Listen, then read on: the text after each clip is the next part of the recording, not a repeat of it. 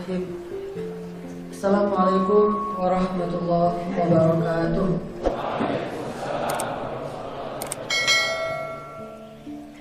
Alhamdulillahirabbil alamin. Alhamdulillahilladzi hadana li hada wa ma kunna linahtadiya laula an hadana Allah. Asyhadu an la ilaha illallah wahdahu la syarika lah. وأشهد أن محمدا عبده ورسوله لا نبي بعده اللهم صل وسلم وبارك على سيدنا محمد وعلى آله وصحبه ومن تبعه إلى يوم الدين Teman-teman yang dirahmati Allah Subhanahu wa taala. Alhamdulillah saya bisa bertemu teman-teman semuanya. Wajah-wajah anak muda wajah-wajah penuh dengan harapan kebangkitan Islam. Karena seperti yang disampaikan tadi orang-orang yang pertama beriman di antara para sahabat Nabi itu adalah anak muda. Dan mayoritas mereka juga jomblo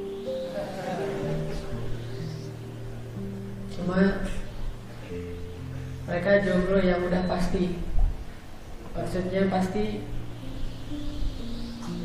jomblo yang udah dibuk ya. Mereka udah pada um, punya tujuan hidup yang jelas punya sebuah goals dalam kehidupannya walaupun masih berstatus sendiri tetapi mereka tahu apa yang mereka cari. Dan kita ingin menjadi seperti mereka. Ingin menjadi orang yang tidak hanya larut dalam masa-masa muda yang mungkin penuh dengan kesenangan. Tetapi kita pengen belajar memastikan apa yang kita cari dalam hidup kita dan apakah kita perlu bersegera untuk meraihnya atau per, atau bisa ditunda nanti saja kalau sudah melewati masa masa muda. Karena banyak orang bilang mumpung masih muda dinikmati aja. Ntar kalau mau serius nanti aja kalau sudah dewasa. Nggak tua sih dewasa. Nah, benarkah kita harus bersegera mendapatkan atau mencari sesuatu yang jelas dalam hidup kita sejak usia muda. Atau muda biarin aja dulu foya-foya bebas terserah seru-seruan. Ini semuanya adalah orientasi yang dimiliki oleh para sahabat dalam hidup mereka. Bagi mereka yang mampu memanfaatkan masa muda dengan ketaatan maka ada keistimewaan khusus di mata Allah untuk mereka. Kayak hadis yang kita pernah dengar dari para ulama, Nabi bilang nanti di akhirat itu di pada masyar ada tujuh golongan manusia yang mendapatkan naungan Allah di hari yang tidak ada naungan kecuali naungan Allah. Dari tujuh golongan manusia itu yang keduanya adalah pemuda. Yang pertama adalah pemimpin yang adil, sedangkan yang kedua adalah pemuda yang tumbuh dalam ketaatan. Dan salah satu di antara contoh gambaran pemuda yang tumbuh dalam ketaatan, mudah-mudahan adalah teman-teman yang ada di sini. Yang menghabiskan waktu sorenya di hari libur untuk mencari ilmu yang menghabiskan waktu mainnya untuk itikaf di dalam masjid. Walaupun main itu nggak dilarang oleh agama, tetapi dia memilih untuk duduk di dalam masjid beritikaf mendengarkan majelis ilmu. Mudah-mudahan kita menjadi salah satu contoh anak muda syabun nasya'a fi ibadatillah pemuda yang tumbuh dalam hal taat kepada Allah Subhanahu wa taala. Dan mudah-mudahan semua wajah-wajah yang ada di sini diingat oleh para malaikat sehingga nanti kalau ketemu di pintu surga nggak perlu ta'arufan lagi sama malaikat. Eh lo siapa? Saya yang di itu yang ikut talim yang biasa. Oh namanya kalau nggak salah misalnya disebutin namanya eh bukan itu mah mirip wajahnya sama, saya. Ternyata malaikat nggak hafal gitu. Mudah-mudahan kita dihafal oleh malaikat sehingga nama kita disebutin oleh para malaikat. Ya Allah ampuni dia. Ya Allah rahmati dia. Ya Allah ampuni dia. Ya Allah rahmati dia. Sehingga ketika ketemu di pintu surga langsung disuruh masuk insya Allah. Karena kita selalu berada di dalam taman-taman surga yaitu majlis ini. Teman-teman yang dirahmati Allah, sore ini kita bahas tentang cinta. Tapi cinta yang dilarang. Kalau dua pertemuan saya di Jogja semalam dan tadi pagi itu cinta yang dibolehkan. Kalau sekarang tuh cinta terlarang. Kayak judul lagu dangdut ya. Cinta terlarang. Apa itu cinta yang terlarang? Cinta dunia. Cuman kita perlu mengklarifikasi, tabayun dulu. Bukan berarti ketika cinta dunia itu dilarang, seorang mukmin itu tidak boleh menikmati dunia. Bukan seperti itu.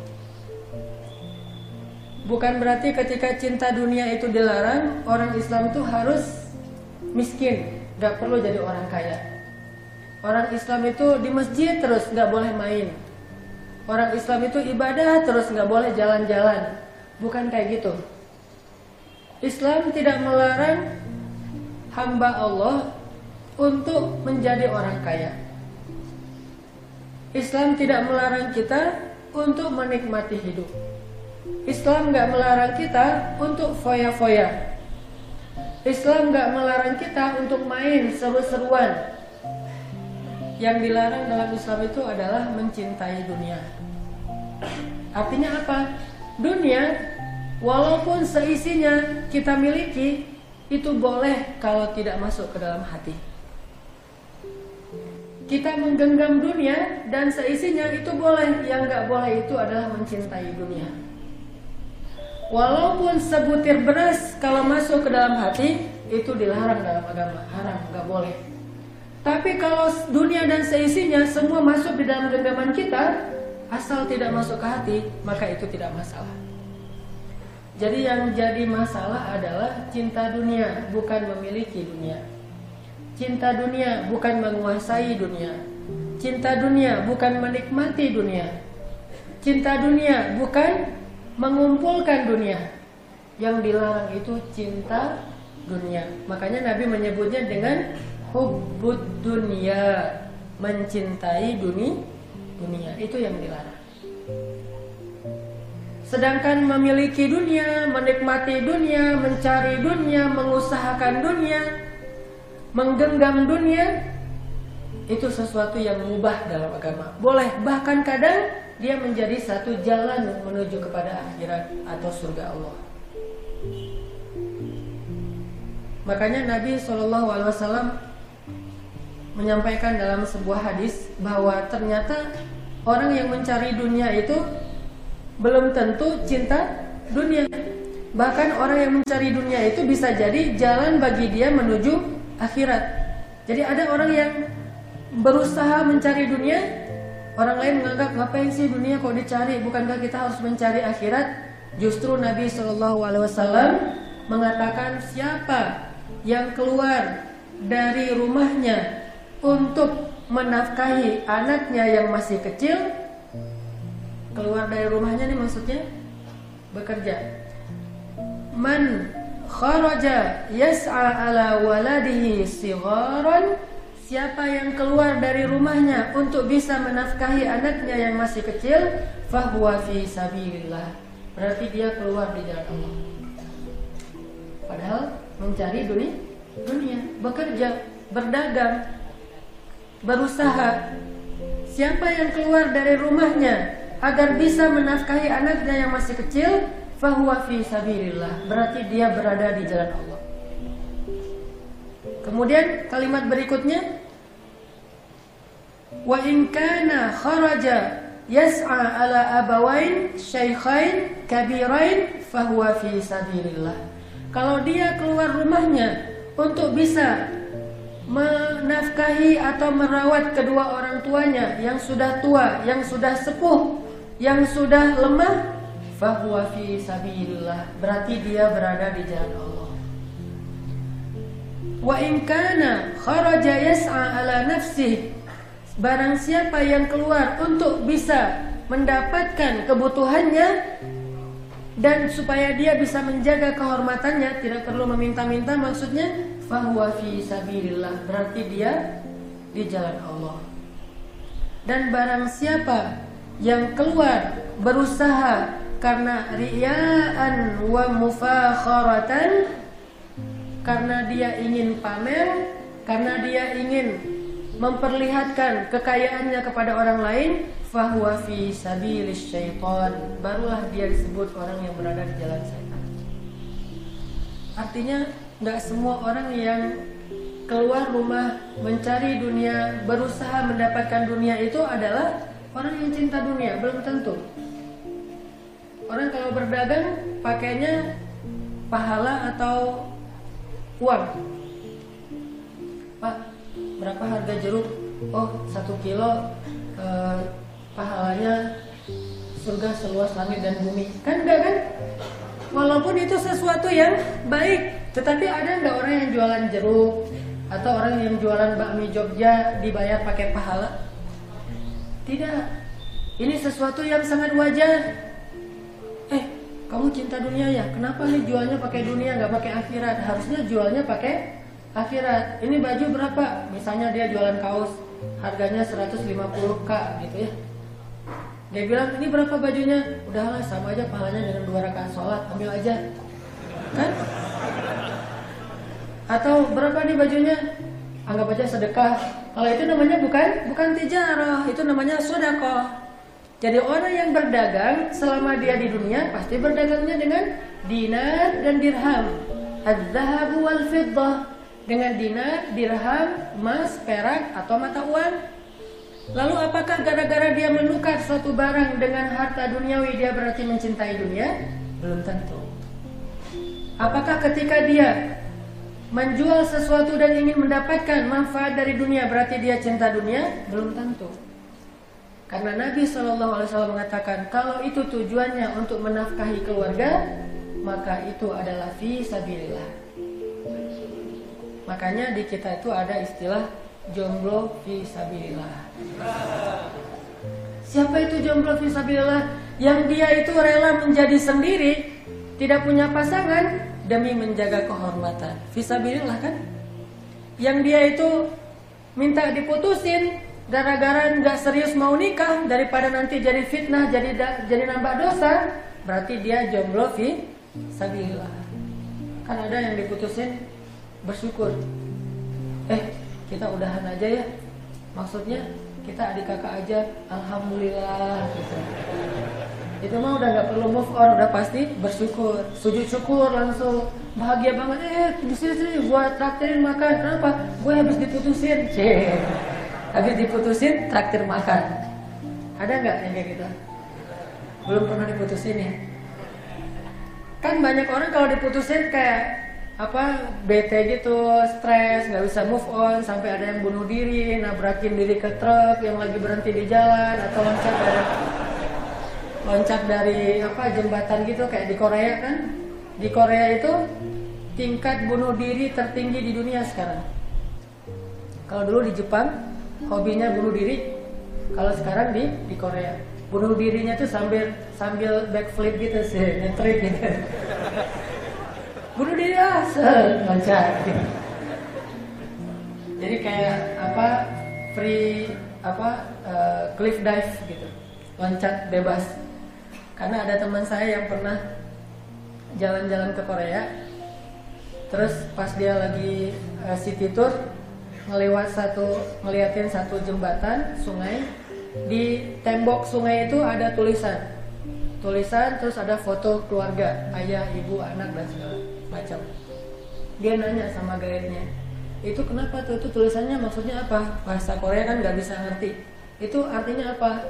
Oh itu tulisan quote kata-kata motivasi buat orang yang pengen bunuh diri Soalnya di Korea itu tren bunuh diri paling digandrungin itu loncat dari jembatan. Itu bunuh diri paling viral di Korea. Jadi kalau misalnya putus cinta kan banyak sinetron-sinetron Korea gitu yang diputusin gitu ya. gitu-gitu ya. putus ya. Itu artinya apa gitu. Iya gitu putus aja. Gak apa-apa, aku bunuh diri. Bunuh diri loncat. Akhirnya karena saking banyaknya kasus bunuh diri gara-gara diputusin, pemerintah Korea bikin uh, kayak tulisan gitu di dinding-dinding sungai supaya orang kalau mau di, bunuh diri itu galau. Wah mau bunuh diri, baca itu jadi galau kan? Membunuh diri kalau bahasa Islam orang yang bunuh diri maka dijamin masuk neraka gitu. Aduh, udah bunuh diri dia enak-enak sama pacarnya sama suaminya gua masuk neraka. Ah nggak nggak banget deh. Ya udah bunuh diri gua dong. Bunuh ada yang bilang saya mah nggak bunuh diri dibunuh. Oleh siapa? Oleh mantan. Saya nggak bunuh diri dia yang membunuh saya. Kan kalau dalam Islam membunuh orang lain mengambil semua dosanya kan ya. Seorang pembunuh diberikan dosa orang yang dia bunuh seutuhnya. Jadi orang yang dibunuh itu nggak punya dosa Mudah-mudahan kita doakan saudara kita di Palestina, di Suriah, di Myanmar, di Rohingya yang dibunuh dalam keadaan terzolimi, yang dianiaya, berarti mereka syahid karena dosa-dosa mereka semuanya diberikan kepada orang yang zalim yang telah membunuh mereka.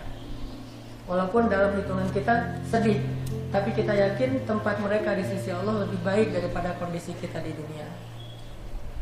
Jadi di Korea tuh kayak gitu teman-teman Artinya apa? Artinya ada istilah visabilillah dalam mencari dunia.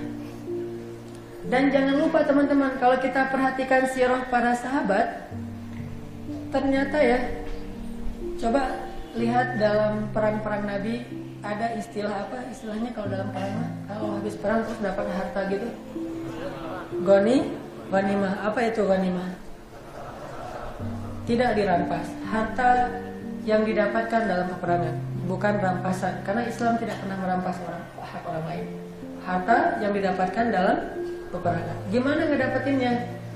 Jadi by the way, orang-orang kafir dulu kalau mau berperang itu mereka bawa onta, bawa kuda, bawa domba, nggak tahu bawa ayam apa enggak gitu, ayam, bebek, apa bebek angon gitu. Terus di tulang lunak gitu. pada bawa harta tuh ternak-ternak pada bawa. Kenapa kok bawa ternak? Karena peperangan di zaman dulu itu bisa dua bulan tiga bulan lamanya. Dan sepanjang peperangan mereka ada juru masaknya eh hari ini garang asam ya? Garang asam gitu. Hari ini bikin steak oh steak wagyu gitu bawa apa sapi wagyu gitu ternyata kalau peperangan itu mereka bawa banyak ternak termasuk bawa pedang. Harga satu bilah pedang itu bisa 20 juta. Jadi kalau orang kafirnya lari karena kalah pedangnya ketinggalan itu bisa jadi barang berharga. Terus perisai perisai juga harganya mahal. Belum lagi nanti panah segala macam. Nah yang cukup mahal juga adalah orang kafir itu kalau berperang dulu di zaman para nabi itu suka bawa dewa.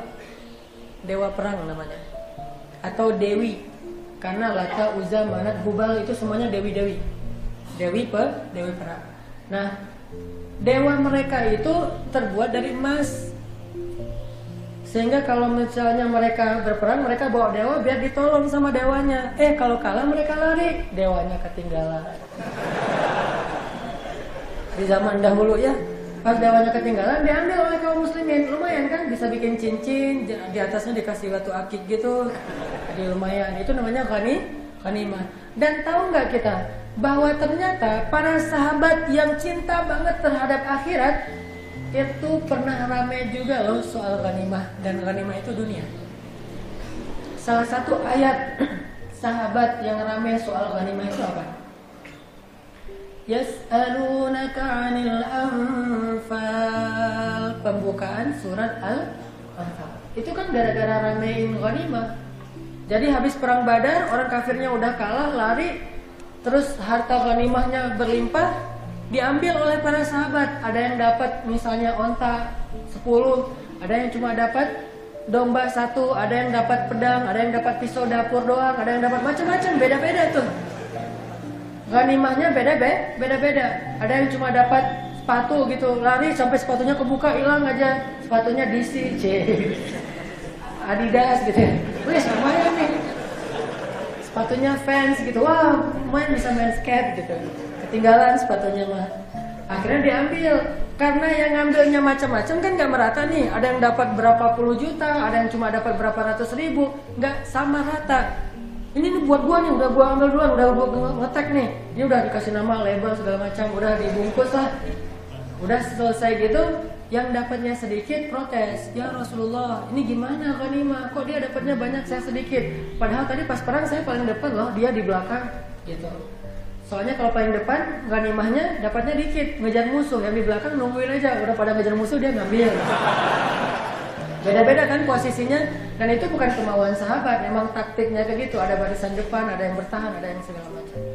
Ya Rasulullah, ya Rasulullah ramai di antara para sahabat. Yas'alunaka anil anfal. Bahkan ada yang nggak dapat sama sekali karena dia menjaga Rasul. Begitu Rasulullah mundur, mereka ngawal Rasulullah pulang. Sampai mereka udah um, menempati menempatkan Rasulullah di tempat yang aman, mereka balik, ghanimah udah habis. Udah pada selesai kayak kayak panitia gitu habis ada acara ada yang ngantar ustad. Yang ngantar ustad udah pulang balik lagi dari hotel ternyata di masjid ganimahnya udah kosong. Piring-piring kosong semua. Tadi ada roti jeruk segala macam habis aja sampai aqua gelas aja ha habis. Wah saya nggak dapat ganimah kan protes tuh.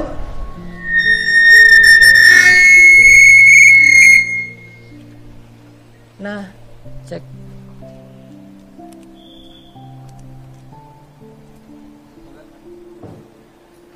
Nah akhirnya mereka protes ya Rasulullah, ya Rasulullah gimana dengan harta ghanimah segala macam.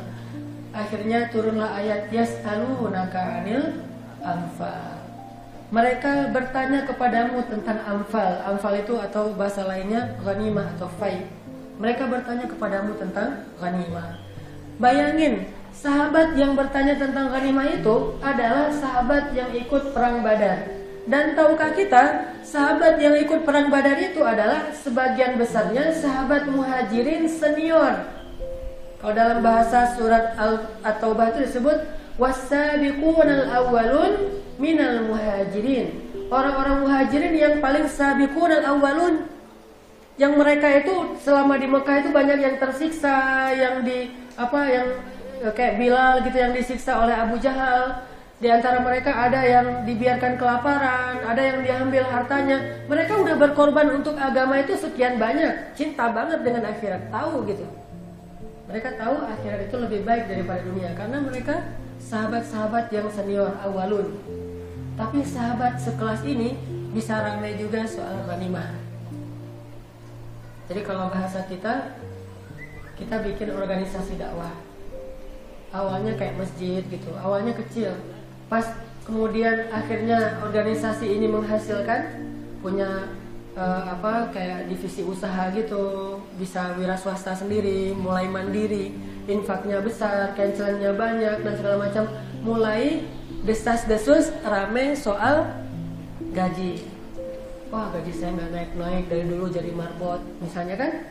Dari dulu saya jadi imam dari dulu saya jadi muazin dan seterusnya. Begitu dia baca sejarah tentang gaji lah gitu kan ada sejarah gaji. Di zaman kekhalifahan Harun al-Rashid di zaman Harun al-Rashid tahu nggak berapa gaji seorang muazin gaji seorang muazin di zaman Harun al-Rashid itu 50 dinar sebulan. Satu dinar itu 2 juta setengah. Berarti 50 dinar berapa tuh? 125 juta ya? Benar gak sih? 125 juta kurang lebih sebulan gaji muazin. Kalau saya hidup di masa itu saya pengen jadi muazin aja. Gaji imam 100 dinar. seorang khatib atau seorang uh, ulama yang menulis buku diberikan hadiah diberikan hadiah oleh Khalifah Harun al-Rashid seberat emas seberat bukunya. Jadi kalau ulama nulis buku, kan buku dulu mah tebal-tebal ya. Kertasnya juga kertas dari kayak kayak kulit gitu tebal. Jadi kalau buku 100 halaman bisa sekilo itu. Kalau sekarang bukunya nggak bisa ditimbang soalnya dalam bentuk aplikasi. Tinggal download gitu. Buku tebal Sahih Bukhari tinggal download. Paling-paling harganya 10 dolar, 100 ribu. Nah dulu diberikan emas oleh khalifah untuk para penulis buku seberat ukuran bukunya. Kalau bukunya 2 kilo dikasih emas 2 kilo. Artinya apakah pada masa itu para ulama disebut sebagai pencinta dunia? Ternyata tidak. Begitu juga dengan Zaman sahabat apakah mereka disebut cinta dunia? Kok ribut masalah ghanimah? Itu terjadi loh kepada para sahabat senior. Dan bukan cuma muhajirin, ansor juga pernah ngalamin. Kalau muhajirin di perang badar, orang ansor ribut soal dunia itu di perang Hunain. Ketika ghanimahnya sangat banyak, lalu Nabi memberikan hanya kepada orang Makkah, tidak diberikan kepada orang ansor kecuali sedikit, akhirnya muncul desas-desus di kalangan Ansor yang saya sebanglang bilang kayak jadi hashtag gitu. Nabi lupa sama kita. Viral hashtagnya. Semua orang Ansor captionnya e, Nabi mah kalau udah ketemu kaumnya lupa sama kita. Posting at Rasulullah di, di mention gitu ke Rasulullah. Rasulullah ngeliat kayak banyak banget nih yang mention gua nih dibuka. Ternyata desas-desus mereka protes pembagian ghanimah yang tidak sama. Akhirnya Nabi menasihati mereka, membujuk mereka. Artinya sampai kalangan sahabat Ansor aja juga bisa kena dengan masalah ribut soal dunia. Apakah mereka cinta dunia? Tidak. Jadi bukan berarti ketika kita nggak boleh cinta dunia, maka kita meninggalkan dunia. Islam tidak menyuruh kita meninggalkan Bahkan Allah walaupun menyebut cinta dunia itu nggak boleh, kadang di dalam Al-Quran Allah menyebut dunia dengan istilah kebaikan, khair. Wa innahu lihubbil khairi lasyadid. Dia sangat mencintai khair. Khair itu adalah kebaikan. Dan kebaikan yang dimaksud di dalam ayat itu adalah dunia dan isinya. Nggak boleh mencintai dunia. Hubbil khair syadid itu nggak boleh. Tapi walaupun nggak boleh Allah tetap menyebut dunia itu dengan istilah khair. Kebaikan. Sehingga bukan berarti ketika kita nggak boleh cinta dunia kita tinggalkan dunia. Bukan. Yang dilarang itu membawa dunia ke dalam hati tapi menggenggam dunia memeluk dunia memakai dunia menikmati dunia memakan dunia menggunakan fasilitas dunia aksesoris dunia boleh kalau dunia itu tidak masuk ke dalam hati. Walaupun kita punya harta gunung Uhud emas itu boleh kalau tidak masuk ke dalam hati. Tapi kalau sebutir beras masuk ke hati itu adalah haram. Makanya bicara cinta dunia itu bukan bicara meninggalkan dunia, bicara mengeluarkan dunia dari hati, ditaruh di genggaman. Jadi boleh naruh dunia kayak gini, enggak boleh itu yang tak boleh. Jadi dunia itu hanya boleh ditaruh di di genggaman, nggak boleh ditaruh di hati. Kalau kita meletakkan dunia di hati, harus karena Allah Subhanahu wa taala. Ayyuhibbal mar'a la yuhibbuhu illa lillah. Kalau kita cinta seseorang, seseorang itu kan dunia, karena dia tinggal di dunia. Kalau kita cinta seseorang, kita tidak boleh mencintainya kecuali karena Allah Subhanahu Berarti itu tidak cinta dunia, tidak cinta dunia. Kalau kita cinta kepada sesuatu, boleh di antara dunia dengan syarat cinta kita kepada dunia itu karena Allah. Mencintai istri, perintah Allah. Mencintai suami, perintah Allah. Mencintai orang tua, anak, keluarga, perintah Allah. Mencintai si dia yang belum halal, nah ini bukan perintah Allah. Jangan cinta dulu. Penasaran aja ah aku penasaran sama dia orangnya gimana ya ya udah kepoin aja dulu kepoinnya dengan syarat masih menjaga ngepo misalnya lihat Instagramnya oh dia kuliahnya di sini dia senangnya ini. Segitu aja. Bolehkah kita mengkepoin calon yang kita mau uh, lamar atau khidbah boleh. Asal nggak mengkepoin semua Instagram. Cewek semuanya dikepoin. Asal ada yang mention nih cewek apa cowok ya? Oh kayak cewek. Kepoin stalking gitu kan ya? Apalagi kepoin mantan itu berat banget. Nggak ngefollow sih tapi ngepo gitu kalau kita nggak ada di, di daftar followersnya dia tapi tahu terus dia lagi ngapain update yang postingan terbaru sama suaminya. Ini berat. Susah ngefollow saya pernah sekali kayak gitu. Ah langsung mending gak usah di dikepoin. Mantan mah lupain bukan kepoin. Move on kepada calon yang mendampingi kita dunia dan akhirat kenapa boleh kepoin calon yang kita pengen lama Ustaz kan ada hadisnya hadis kepo. Apa hadis kepo? Ini terjemahan anak mudanya ya terjemahan kita lah. Ada sahabat ansor eh, sahabat muhajirin pengen nikah sama perempuan ansor. Tapi dia belum kenal dengan perempuan yang dia mau nikahi. Jadi ada mak comblang gitu. Eh cariin gua satu uh, satu orang cewek yang solehah yang berhijab yang hafiz 30 juz gitu emang kamu hafal berapa juz? Baru berusaha juz 30 sih. Nyarinya yang 30 juz ideal kan gitu. Oh iya deh terus comblangnya bilang nih dapat nih. Seperti yang kamu inginkan berhijab hafal 30 juz uh, orang Jogja gitu ya. Wah keren aja pokoknya. Dia tuh etnik banget lah gitu ya. Saya misalnya cowoknya seneng yang etnik nggak seneng yang oriental gua mah senengnya yang etnik-etnik yang yang Jogja yang misalnya benar-benar keibuan gitu. Oh ya dapat nih. Ya udah deal deh gitu ya. Kayak bareng dagangan. Deal aja. Ya udah kapan kita mau bikin akad? Nah tapi dia nggak kenal sama ceweknya nggak pernah ngeliat fotonya apalagi ngeliat orang aslinya.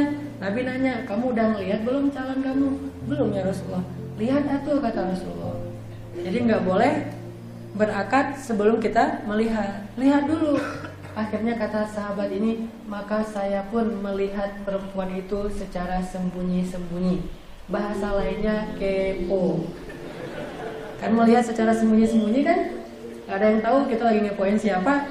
Nah melihat secara sembunyi-sembunyi dulu ngepoinnya di balik tembok gitu ngeliat oh dia lagi ke kuliah kampus. Oh dia lagi di rumah. Oh dia apa? Kepoinnya di balik tembok tapi dengan syarat sesuatu yang boleh dilihat. Jangan lihat dengan pakaian dia di rumah yang membuka au aurat dan paling paling ideal itu ngelihatnya langsung. Jangan lihat di sosial media. Karena di sosial media itu pasti hasil editan. Ngedit semalaman. Pagi baru posting. Di zoom in gitu. Wah masih kelihatan jerawat dikit. Pas di blur gitu ya. Lama-lama pas di blur. Akhirnya udah se udah layak posting posting. Pas kita lihat wah keren banget. Jangan percaya karena itu hasil editan. Mending lihat asli. Saya yakin kalau lihat aslinya lebih cantik dari hasil editan. Yeah. kan kadang-kadang orang nggak pinter ngedit ya. Udah ngedit makin diedit makin nggak benar gitu. Kan ada tuh aplikasi yang hidungnya bisa di apa mancungin matanya dilebarin dibelah dikit sininya kasih apa apalagi yang ngedit sendiri itu. Ngedit sendiri semampunya. Akhirnya dikasih menu-menu beberapa wajah versi yang mereka akhirnya dimirip-miripin. Ini nggak original. Jadi agak nge-fake gitu ya. Mending cari yang boleh kepo tetapi dengan syarat kita mengkepoinnya dalam suasana yang dia itu layak dilihat. Berhijab yang dilihat wajahnya doang. Tidak lebih dari dari itu ini tadi ngomong apa? Kok jadi ke sini? Ngomongin dunia dunia. Bukan berarti kita nggak boleh cinta dunia. Boleh dengan syarat cintanya karena Allah.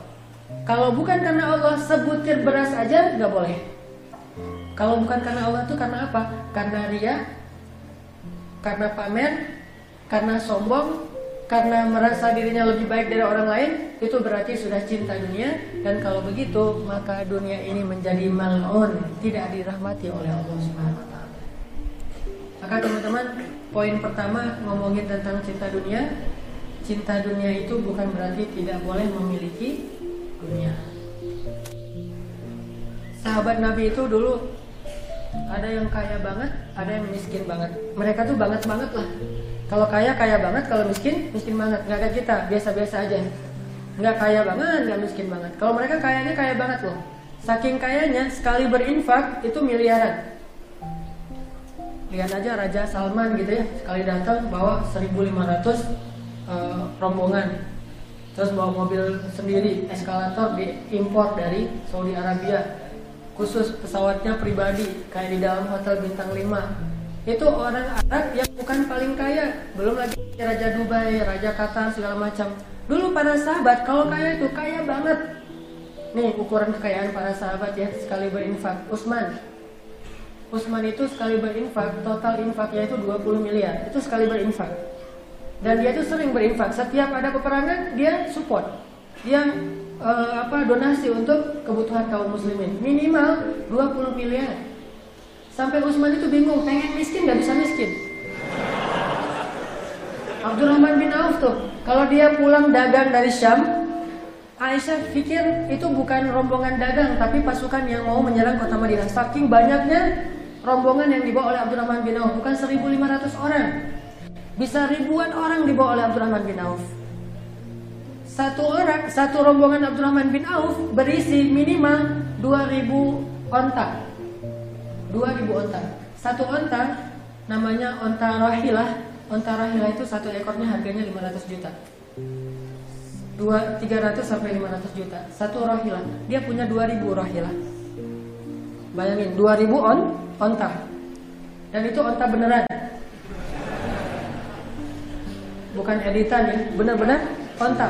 2000 onta dan itu baru harga onta 500 juta belum barangan barang di atas onta ada emas ada sutra ada segala macam barang-barang yang berharga yang dijual di Syam terus beli lagi di Syam jual di Madinah. Kayak gitu aja terus. Abdurrahman bin Auf. Sampai suatu hari Abdurrahman itu gini-gini apa kayak lagi uh, pusing gitu. Ditanya sama temannya ya Abdurrahman kenapa kamu sedih? Kenapa galau? Kata Brahman iya nih saya lagi nggak enak uh, apa hati nih. Kenapa? Susah. Susah kenapa? Kamu udah kaya raya. Itulah masalahnya masalahnya apa? Saya tuh pengen miskin kayak kamu tuh. Tapi nggak bisa gitu. Sama pengen miskin. Ya udah kasih aja ke saya. Kasih tuh kaget ya. Gitu jadi pingsan mendadak artinya Abdurrahman bin Auf tuh pengen banget jatuh miskin tapi nggak bisa. Ya Allah kok saya kaya ya? Gitu doanya. Kalau kita ya Allah kok saya miskin? Kalau sahabat saya kok kaya? Aduh gimana ya biar miskin? Ini nih keluarin aja semuanya nih biar miskin. Biar habisin aja. Datang lagi. Emang takdirnya kaya mau gimana terus pas Abdurrahman bin Auf lagi dihidangin makan oleh istri-istrinya ada yang ngasih daging segala macam banyak tuh makanan jangan digaris bawahi ya bagian itu dia dihidangin sama istrinya diralat dihidangin sama istrinya makanan yang banyak, tapi kalau cerita aslinya istri-istrinya sih di dalamnya. Udah gitu Abdurrahman bin Auf ngelihat makanan yang sangat banyak nangis coba. Sama kayak kita ngelihat makanan yang banyak di warung Padang itu nangis. Aduh, mahal. Nih gitu. Akhirnya kuahnya doang yang diambil ya gitu. Iklan banget lah. Abdurrahman dikasih makanan yang berlimpah nangis. Ditanya oleh istrinya kenapa menangis ya Abdurrahman? Kata dia saya teringat dengan dua orang sahabat Nabi yang lebih miskin dari saya, Hamzah dan Mus'ab bin Umair. Kedua orang ini jauh lebih soleh daripada saya, tapi meninggalnya hampir nggak punya apa-apa, bahkan kain kafan aja nggak punya. Sehingga Abdurrahman, uh, sehingga Mus'ab bin Umair hanya punya sehelai selimut kecil yang itu dijadikan kain kafan. Kalau ditutup kepalanya kelihatan kakinya. Ditutup kakinya kelihatan kepalanya. Saking miskinnya. Padahal mereka lebih soleh dari saya. Hamzah juga kayak gitu. Saking saking miskinnya nggak punya kain kafan. Sehingga dia dimakamkan dengan baju yang dia pakai tidak punya kain kafan saking miskinnya padahal dia lebih soleh daripada saya kata Abdurrahman bin saya curiga kata Abdurrahman jangan-jangan Allah Subhanahu wa taala menangguhkan balasan kesolehan mereka di akhirat, makanya di dunia diirit. Sedangkan saya nggak terlalu soleh, amal saya sudah dibalas di dunia, terus saya nanti di akhirat dapat apa? Itu yang membuat Abdurrahman. Kalau seandainya boleh kata Abdurrahman, udah saya mah diirit aja di dunia, yang penting di akhiratnya dikasih keberlimpahan. Tapi kok Allah ngasihnya banyak banget di dunia nih sampai saya nggak habis untuk menikmatinya sendiri. Akhirat dapat apa kalau udah dibalas semuanya? Itu yang disebut orang-orang yang cinta akhirat. Tapi dia punya dunia yang sangat banyak. Apalagi Usman. Usman tuh kalau keluar rumah pasti OOTD.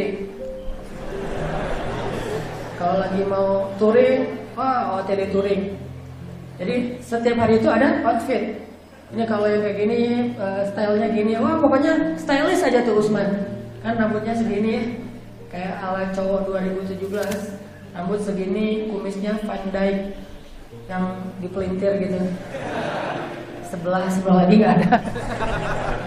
Ini eh, cowok 2017, 2016, 2017, jambutnya tipis, kumis panjang. Saya cuma nggak dibolehin aja sama istri mau dipanjangin kumisnya. Ditambah lagi emang Nabi nggak suka dengan kumis yang panjang.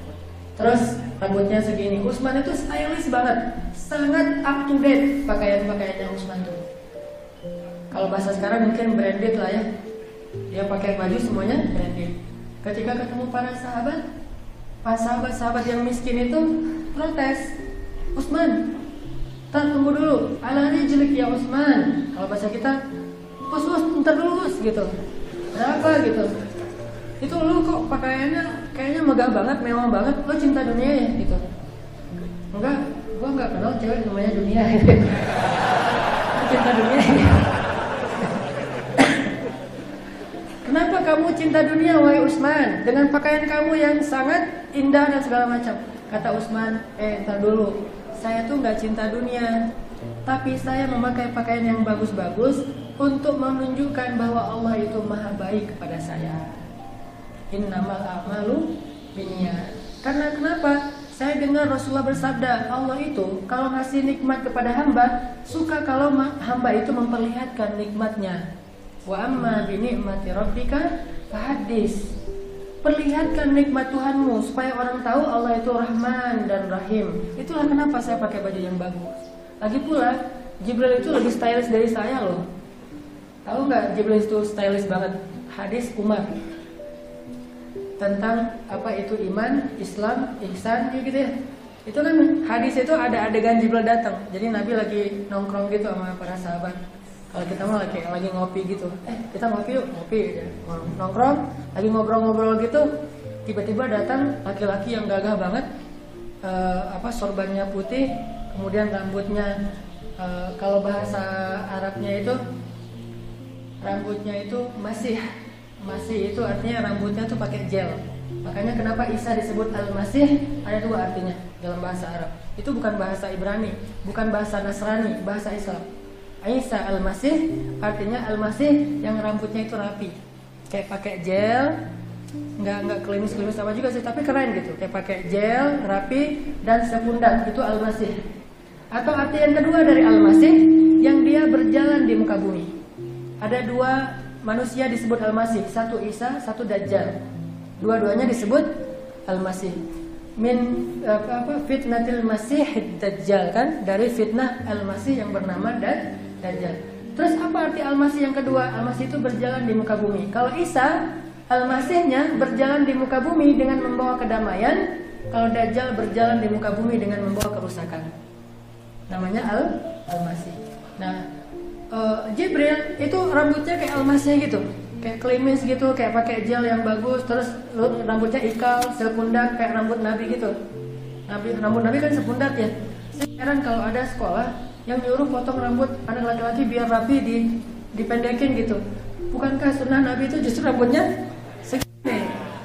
Nih kalau ada guru-guru sekolah mohon diganti ya peraturannya. Yang cowok-cowok silakan panjangin rambut sepundak karena itu rambut Rasulullah. Rasulullah. Kecuali yang nggak bisa turun, makin panjang makin naik gitu. Itu rambut saya banget.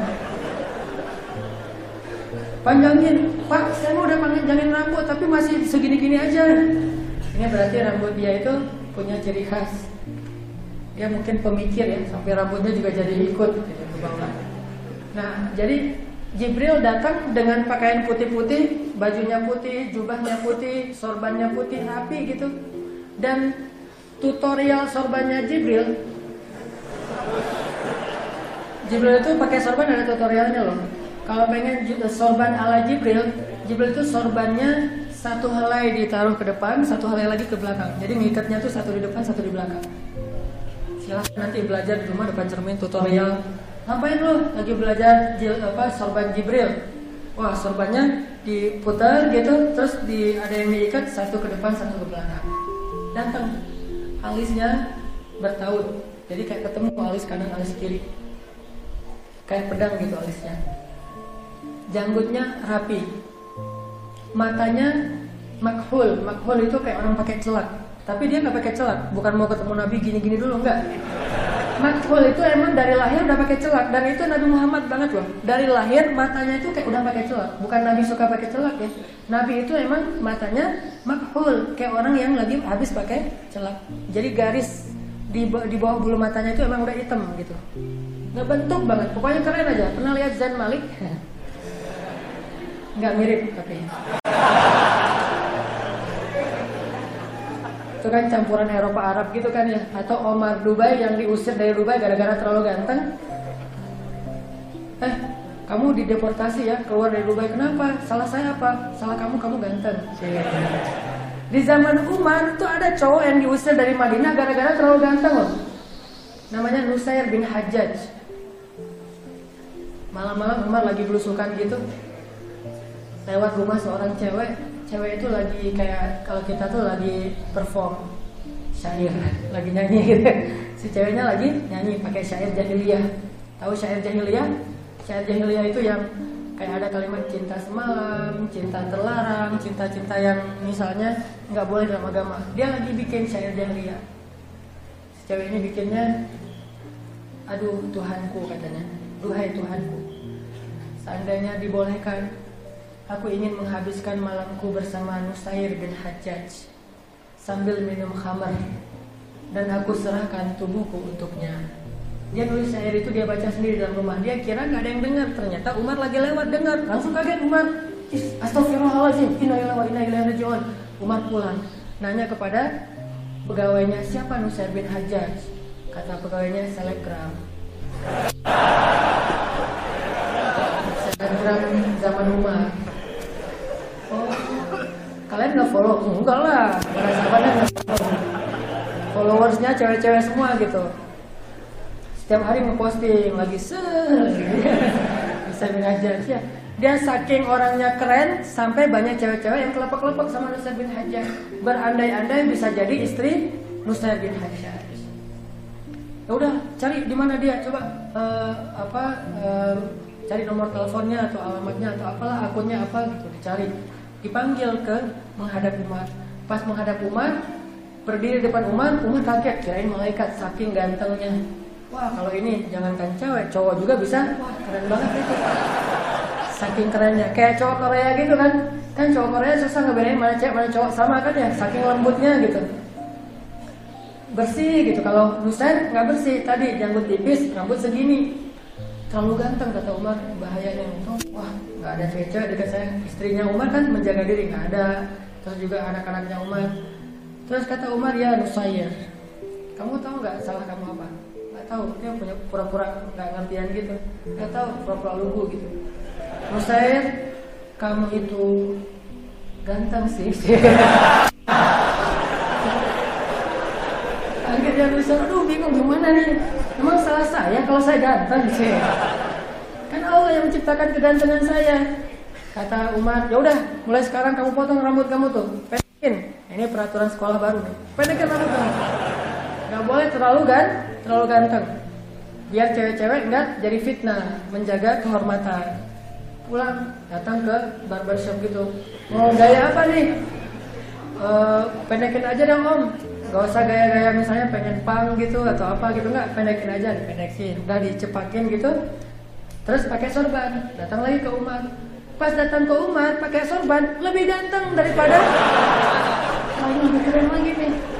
Bingung Umar. Wah ini cowok memang keren sih dia apa-apain juga. Cepat keren dia segini keren pakai sorban lebih keren lagi. Untung nggak ada kupluk waktu itu ya pakai kupluk loh kok lu mirip basket sih Misal bin Hajjaj, skateboarder era Umar lah gitu ya. Udah gitu, karena Umar nggak bisa menghilangkan kegantengan Nusair bin Hajjaj, akhirnya Umar memutuskan Nusair bin Hajjaj dideportasi keluar dari Madinah. Kesalahannya apa kelakuannya yang membuat dia deportasi? Dia terlalu ganteng. Dikirim ke Iran, ke sebuah kampung yang di dalamnya nenek-nenek semuanya. Jadi kalau ada nenek-nenek yang minta selfie, biarin aja nenek-nenek. Nusair selfie ya, gitu nenek-nenek, biarin aja kampung itu nenek-nenek semua semua yang insya Allah tidak akan jadi fitnah soalnya perempuan yang sudah lanjut usia sudah tidak ada lagi hasrat gitu. nenek-nenek kakek-kakek yang muda itu cuma Nusa bin Hajjaj cowok muda satu-satunya yang jomblo di negeri itu diusir ke sana tapi adilnya Umar bin Khattab mendeportasi Nusa bin Hajjaj digaji jadi dia kayak ditugas uh, apa keluar dinas, uh, keluar kota gitu dinas keluar kota dibayar sama Umar. Dan Nusair bin Hajjaj anak satu-satunya yang dimiliki oleh ibunya. Dia nggak punya ayah lagi, anak yatim. Suatu hari Umar lagi jalan sama putra-putranya ada Abdullah, ada Qasim, ada beberapa orang putra Umar. Terus datang ibunya Nusair. Ya Amirul Muminin kata ibunya Nusair. Saya akan laporkan Amirul Muminin kepada Allah nanti di akhirat. Orang dulu ngancamnya itu demo pakai laporan ke akhirat. Jadi spanduknya tuh saya laporin ke Allah gitu spanduk keren ya demo dulu ya. Dan menurut saya sih demo udah ada dulu cuman bentuknya beda-beda. Yang jelas kan intinya menyampaikan aspirasi. Datang nih ke Umar ya Amirul Mukminin saya laporin Amirul Mukminin kepada Allah nanti di akhirat. Kata Umar salah saya apa? Engkau menghabiskan hari-harimu bersama anak-anak laki-laki Sedangkan saya engkau biarkan sendiri jauh dari anak laki-laki yang saya miliki. Memang anak ibu siapa? Nusair bin Hajjaj. Kata Umar, ibu tahu kenapa saya mengusirnya? Ya, karena dia mirip saya. Ganteng sih. Cantik gitu, ibunya cantik. Gak ngomong gitu juga sih. Ya karena dia kamu bilang ganteng jadi fitnah segala macam. Iya, anak saya yang laki-laki tidak ada yang jadi fitnah, anak ibu jadi fitnah. Ya udah deh kata Umar, jangan laporin ke Allah ya, gini aja. Ini kita kasus di close aja boleh nggak gitu? Kata ibunya Wani Piro gitu. ya udah, ibu saya kirim juga ke Baghdad, ke Irak dan sama dengan Nusa bin Hajjaj terus saya kasih gaji juga. Jadi kalian berdua dikirim sama-sama digaji sama pemerintah. Nah, udah deh kalau nggak ada pilihan lain saya apa malu tapi mah mau. Dikirimlah ibunya ke ke Irak bersama Nusa bin Hajjaj digaji oleh pemerintah yang adil Sampai Nusa bin Hajjat di sana belajar kepada ulama dan dia memperbaiki akhlaknya. Setelah dia paham, akhirnya dia kirim surat kepada Umar, ya Amirul Mukminin. Segala puji bagi Allah untukmu yang telah memberi saya kesempatan belajar lebih baik. Sekarang saya pengen hijrah status. Apa hijrah status? Nusa bin Hajjaj pengen nikah. Gara-gara dia udah pengen nikah, akhirnya fitnahnya udah nggak ada lagi kan, udah nikah baru dia dibolehkan kembali lagi ke kota Madinah setelah dia mengakhiri masa jomblonya. Ini kenapa jadi cerita Nasr bin Hajjaj? Artinya orang yang keren, berpenampilan menarik itu bukan hanya orang yang cinta dunia. Utsman bin Affan berpenampilan menarik. Abdurrahman bin Auf berpenampilan menarik. Yang lebih luar biasa lagi, Mus'ab bin Umair itu menarik banget penampilannya. Gimana menariknya? Bayangin, parfumnya Mus'ab bin Umair di Mekah itu cuma ada satu. Gak ada orang yang punya parfum dengan model kayak gitu, dengan harum kayak gitu. 10 milinya, 100 milinya harganya 20 juta. Segini harganya 20 juta. Jadi kalau kita pakai gitu, wah 100 ribu, 200 ribu. Saking mahalnya parfum Mus'ab bin Umair. Sampai disebutkan dalam cerita tentang uh, apa biografi Musa bin Umair. Kalau Musa bin Umair mau cuci baju, orang-orang rebutan bajunya Musa bin Umair, pengen mereka yang cuci. Kenapa? Supaya parfum di bajunya Musa bin Umair pindah kepada baju-baju mereka. Saking mahalnya parfum Musa. Jadi kalau Musa lewat satu gang, cewek-cewek yang ada di, di dalam uh, rumah pada bilang, eh Musa lewat, Musa lewat. Kenapa? Harumnya parfum Musa itu cuma ada satu di kota Mekah. Jadi nggak perlu musang, eh gue lewat, nggak perlu. Cukup lewat aja parfumnya bikin semua orang tahu kalau Musa baru le baru lewat. Duh telat tahu gitu tadi mau selfie bareng, mau di posting lumayan kan nambah-nambah followers gitu. Musa bin Umair penampilannya menarik, bahkan Jibril penampilannya menarik. Berapa kali Jibril diutus oleh Allah ke dunia dengan wujud seorang laki-laki yang sempurna itu penampilannya menarik. Salah satunya pas diutus ketemu dengan Maryam. فأرسلنا إليها روحنا فتمثل لها بشرا سويا Kami utus roh kami yaitu Jibril kepada Maryam fatamassala laha basharan sawiya Jibril pun menjelma sebagai seorang laki-laki yang sawiya yang keren banget sawiya itu ideal banget cowok paling ideal tingginya, postur tubuhnya, perutnya six pack gitu. Pokoknya ideal aja. Kalau nggak ideal kan gimana pun pakai baju bagus, tetap aja bagian di sininya kan jadi kelihatan tuh usianya berapa gitu ya.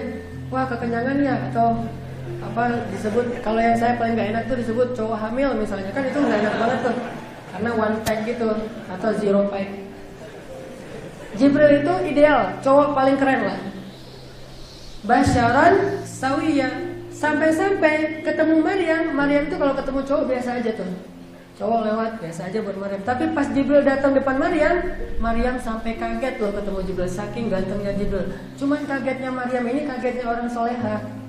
Kagetnya, auzubillah gitu kagetnya. Bukan, wow, Masya Allah, Alhamdulillah. Atau astagfirullah tapi ngeliat gitu. Enggak, Maryam itu ketika ngeliat Jibril, Qalat inni a'udzu birrahmani minka in kunta taqiyya. Aku berlindung kepada Allah darimu kalau kamu takut kepada Allah. Ngomongnya gitu. Maryam itu kan uh, apa? Uh, Azra. Azra itu perempuan yang menjaga diri. Tapi tetap kaget. Cuman Azra menjaga iffah. Begitu Jibril muncul tring, tiba-tiba ada Jibril keren banget di depan Maryam. Langsung Maryam, A'udzu minka in kunta taqiyya. Aku berlindung kepada Allah darimu kalau kamu bertakwa. Gitu kan Maryam?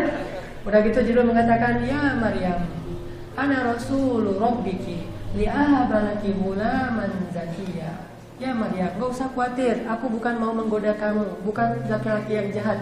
Aku utusan Tuhanmu. Berarti malaikat ingin memberikan kabar kalau kamu akan punya seorang anak yang suci. Maryam langsung kaget. Gimana saya punya anak? Saya nggak punya suami dan saya tidak pernah disentuh oleh laki-laki sama sekali. Itulah keajaiban dan kebesaran Tuhanmu. Dzalika huwa alayya hayyin mudah bagiku kata Allah. Artinya Jibril itu selalu berpenampilan menarik. Jangankan perempuan, Umar aja pernah sangat takjub dengan penampilan Jibril yang hadis tadi.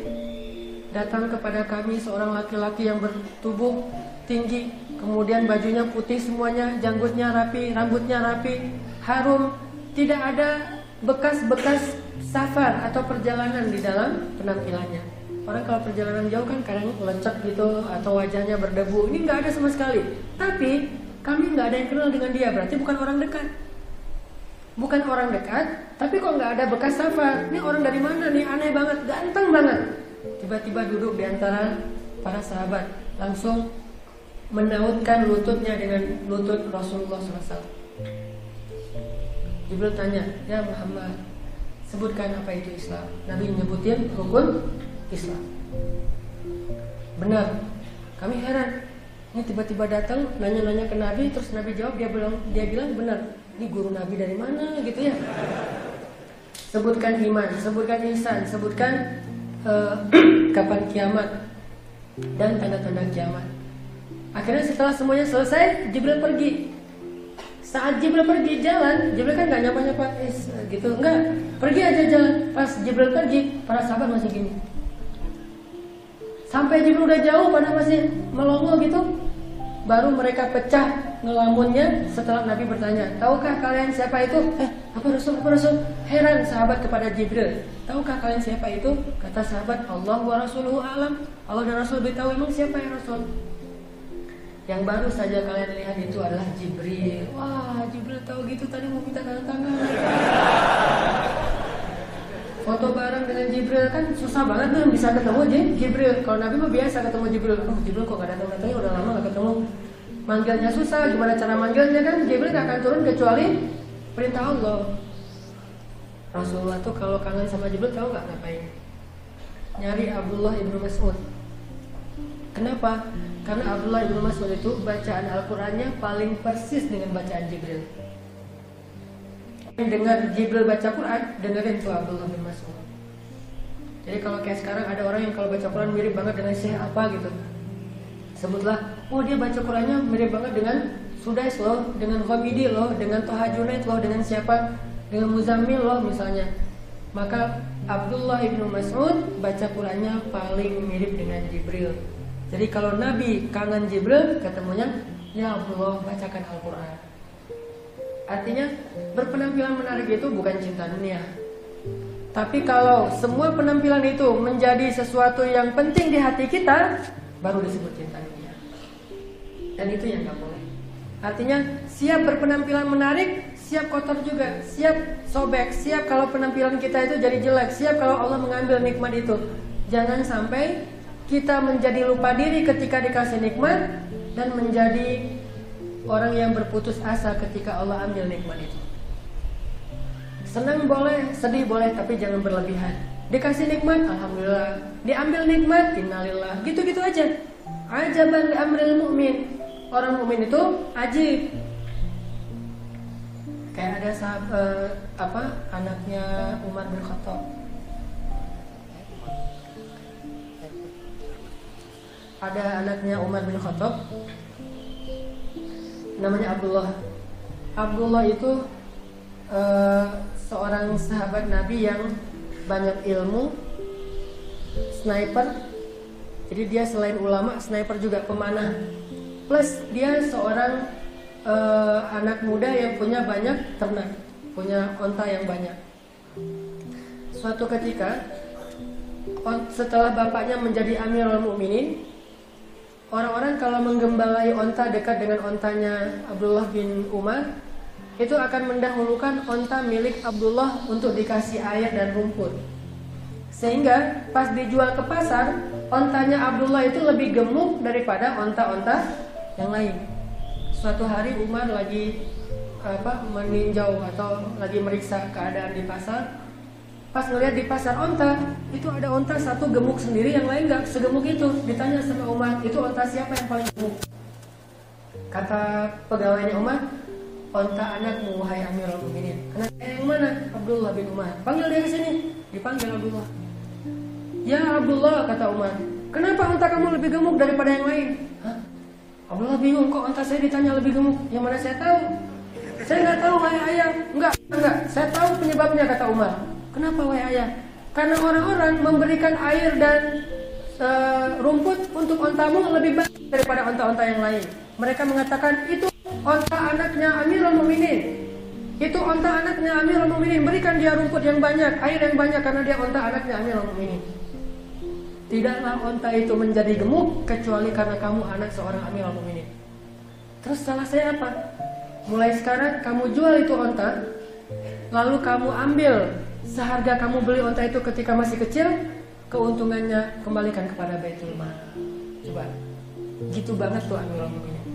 Jadi kalau dulu onta itu dibeli juta, dijual 200 juta, 150 juta balikin ke Baitul Mal. Karena onta itu tidak menjadi gemuk kecuali karena jabatan ayahnya Abdullah bin Umar.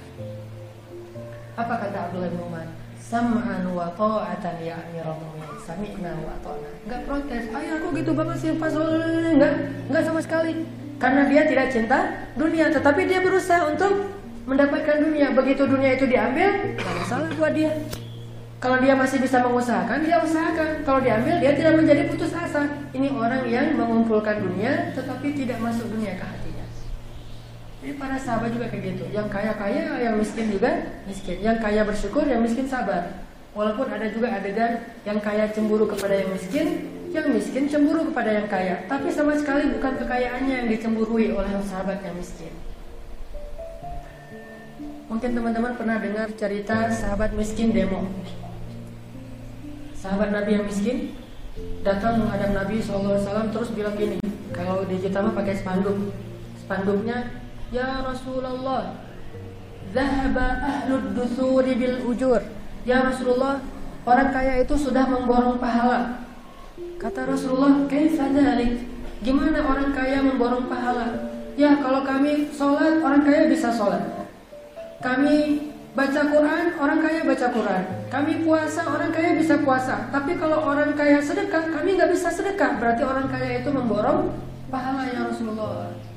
Protes mereka, bukan protes kayanya, protes amalnya yang mereka nggak bisa kerjakan karena tidak punya harta. Jadi kalau ada orang bilang kita harus jadi kayak Abdurrahman bin Auf kaya raya segala macam, jangan lupa Abdurrahman itu suka menangisi kekayaannya. Dikasih ke orang-orang tapi nggak habis-habis datang lagi datang lagi. Akhirnya Nabi bilang ke sahabat yang miskin setiap tahlil sedekah setiap tasbih sedekah setiap tahmid sedekah setiap takbir sedekah memindahkan duri dari jalan sedekah senyum ke wajah saudaramu bagimu sedekah. Itu hadis muncul gara-gara orang-orang miskin protes nggak bisa beramal seperti orang kaya yaitu sedekah. Oh gitu ya Rasulullah? Iya. Artinya kita juga bisa sedekah? Bisa. Mulailah mereka pulang sedekah. Subhanallah. Wah dapat pahala sedekah. Lama-lama mereka nggak juga. Balik lagi demo ya Rasulullah sama aja. Sama aja gimana orang kaya juga bisa subhanallah baru Nabi bilang janganlah kalian iri terhadap kelebihan yang Allah berikan kepada sebagian kalian atas sebagian yang lain oh ya udah kalau gitu ya Rasulullah kita ridho ridho justru Ridho itu tidak bisa diamalkan oleh orang yang punya keberlimpahan. Ridho itu atau sabar itu amalan orang yang punya ujian. Jadi kalau kita nggak diuji nggak pernah bisa jadi orang sabar. Sama dengan kalau kita nggak dikasih keberlimpahan nggak tahu gimana cara bersyukur. Intinya teman-teman cinta dunia itu bukan nggak boleh memiliki dunia, dunia. Tapi kalau dalam hati dunia itu memang harus kita kurangi pelan-pelan. Jangan sampai jatuh cinta kepada Terakhir satu kisah lagi, mudah-mudahan jadi ngebayang, buat kita bisa ngebayangin apa sih maksud nggak boleh cinta dunia? Bukan berarti tidak boleh memiliki dunia. Jadi orang kaya raya itu nggak masalah. Ada kisah namanya sahabat Abu Lubabah dan Abu Dahdah. Ada dua Abu. Satu Abu Lubabah, satu lagi Abu Dahdah. Bukan dadah ya, dahdah. Abu Lubabah punya pohon korma di sebelah rumahnya anak yatim. Cuma satu pohon kormanya, tapi agak miring gitu. Jadi kalau lagi buahnya banyak jatuh masuk ke rumah anak yatim. Karena rumah anak yatim di zaman Nabi itu nggak ada atapnya, cuma dinding nggak ada atap. Jadi jatuh masuk ke dalam rumah anak yatim. Lalu buah korma itu dimakan sama anak yatim tanpa minta izin kepada Abu Lubabah. Akhirnya Abu Lubabah lapor ke Nabi, ya Rasulullah, saya ingin mengadukan satu masalah. Kata Rasulullah, apa masalahnya ya Abu Lubabah? Itu banyak pohon kurma saya, banyak buah kurma saya dimakan sama anak-anak di rumah itu. Mereka nggak minta izin, saya protes, minta ganti rugi. Dipanggil sama Rasulullah anak-anak di rumah itu keluarga. Ternyata keluarga itu adalah anak ya, anak yatim. Pas Nabi tahu itu anak yatim, Nabi kan sayang banget sama anak yatim. Nabi langsung bilang ke gini, ke gini ke Abu Lubaba, ya Abu Lubaba, mau nggak kamu punya pohon kurma di dalam surga? Yang dahannya itu 100 tahun kamu berjalan di bawah naungannya belum keluar dari naungan dahan itu. 100 tahun berjalan di bawah naungan pohon kurmamu belum keluar dari naungannya. Saking besarnya pohon kurma di surga. Mau nggak ya Lubaba? Gimana caranya Rasul? Caranya wakafkanlah pohon kurmamu itu untuk keluarga anak yatim. Aduh ya Rasulullah itu pohon kurma satu-satunya yang saya miliki. Banyak alasan. Intinya dia nggak mau. Tapi nggak memaksa. Lagian wakaf itu kan sunnah bukan wajib. Akhirnya ya udah kalau gitu, wahai anak-anak yatim, Uh, besok-besok kalau kalian mau makan buah kurma yang jatuh minta izin dulu ya kalau nggak dikasih izin jangan oh, iya iya ya Rasulullah pulang aja semuanya mendengar percakapan ini Ternyata tadi Abu Dahdah dengerin Muping terus datang ke Nabi. Ya Rasulullah, kata Abu Dahdah. Apa ya Abu Dahdah? Kalau saya melakukan apa yang Rasulullah tawarkan, saya dapat nggak pohon kurma di surga? Kata Nabi, dapat siapa pun itu. Insya Allah saya dapat berarti kebun kurma yang luas di surga dapat ya Abu. Emang kenapa? Ya, assalamualaikum ya Rasulullah. Langsung kejar. Abu Lubaba, ya Abu Lubaba, ya Abu Lubaba. Abu Lubaba nyari. Oh, Abu Dahdah ada apa ya Abu Dahdah? Ya Abu Lubaba, ntar dulu. Kata Abu Dahdah, ya Abu Lubaba, kamu tahu nggak kebun kurma saya di kota Madinah? Kata Abu Dah Abu Lubaba, siapa yang nggak tahu kebun kurma milik Abu Dahdah yang luas, yang di dalamnya ada 600 pohon kurma. dan 600 pohon kurma itu semuanya terbaik. Kalau di kita nih kayak kurma apa uh, majdul satu kilonya harganya 300 real hampir satu juta. Satu kilonya 300 sampai 400 real satu juta lah sebutlah. Satu kilo satu juta. Dan ada 600 pohon kurma di dalamnya ada villa di dalamnya ada mata air sendiri bukan pakai pengairan. Emangnya kenapa dengan kebun kurma mulai Abu Dahda? Kata Abu Dahda mau nggak kita tukar? Kamu beri pohon kurma kamu yang di sebelah rumah anak yatim untuk saya saya kasih satu kebun kurma saya untuk kamu. Tukaran. Tapi bahasa Indonesia ya bukan bahasa Jawa. Nggak tukaran bahasa Jawa. Nukar gitu tukar guling. Kata Abu lu babah eh cibitin gua dong kenapa? Mungkin mimpi ini beneran gitu? Beneran ya Abu Lubaba kamu nggak nggak bercanda? Nggak. Cius cius. Ya udah deal deh. Kalau gitu gue mau banget. Tadi ditawarin surga nggak mau? Nggak mau. Ditawarin dunia mau. Abu Lubabah deal salam udah aja. Langsung kemudian Abu Dahdah dan Abu Lubabah datang ke pohon kurma yang anak yatim. Mereka bilang kepada anak yatim tok tok tok assalamualaikum. Dibukain sama ibu mereka. Ada apa wahai Abu Lubabah Abu Dahdah? Ibu mulai sekarang pohon ini menjadi milik ibu dan keluarga. Silakan petik sesukanya sudah diwakafkan. Alhamdulillah ya Allah gitu. Terus Abu Dada pulang ke kebunnya, istrinya sama anaknya lagi bercocok tanam gitu di kebun, lagi bersih-bersih kebun, lagi beres-beres. Kata Abu Dada, wahai istriku, wahai anak-anakku, keluarlah, keluarlah. Ada apa wahai suamiku, kata istrinya. Kebun ini sudah saya jual, bukan lagi milik kita. Hah? Dijual, dijual ke siapa? Dan berapa untungnya? Kata Abu Dada, saya jual kebun ini kepada Allah dan untungnya adalah surga di sisi Allah. Apa kata istrinya? Itu baru untung wahai suamiku. Itu baru untung. Ini orang yang gak cinta dunia. Istrinya tuh soleha banget. Pak kok pulangnya naik angkot? Mobilnya udah dijual mah. Hah? Dijual bukan yang lain? Enggak, dijual ke masjid mah. Biar nanti Allah kasih kendaraan kita di padang mahsyar. Papa. Bedanya tuh. Makanya Orang yang cinta dunia nggak cinta dunia itu jangan dilihat dari fisiknya, zahirnya. Bagi dia dapat dunia dia bersyukur, kehilangan dunia dia bersabar. Tidak ketika dapat dunia dia sombong, kehilangan dunia dia putus asa sampai dia menjadi orang yang apa stres sendiri gitu, stroke gara-gara rugi dunianya enggak. Orang yang cinta dunia bagi dia dunia itu adalah zina, perhiasan. Pakai perhiasan nggak pakai perhiasan sesuatu yang biasa aja pakai perhiasan dia senang nggak pakai juga nggak akan kiamat dunianya kayak kita misalnya lagi jalan terutama buat cewek-cewek kadang-kadang uh, lagi jalan misalnya uh, bawa perhiasan kayak misalnya gelang atau cincin. Kadang-kadang ketinggalan di rumah lupa dibawa. Apakah membuat kita bete seharian? Kan nggak biasa aja. Apalagi yang laki-laki kadang-kadang kita bawa jam tangan kadang-kadang enggak biasa aja pakai. Alhamdulillah nggak pakai juga biasa. Itu berarti dunia hanya di genggaman, bukan kayak iklan apa ya guys? Dunia dalam genggamanmu. Jadi nggak ada di di dalam hatimu. Jadi biarkan dunia itu hanya di zohir kita. Itu yang dimaksud dengan cinta dunia. Mudah-mudahan kita bisa membuang rasa cinta di hati kita terhadap dunia.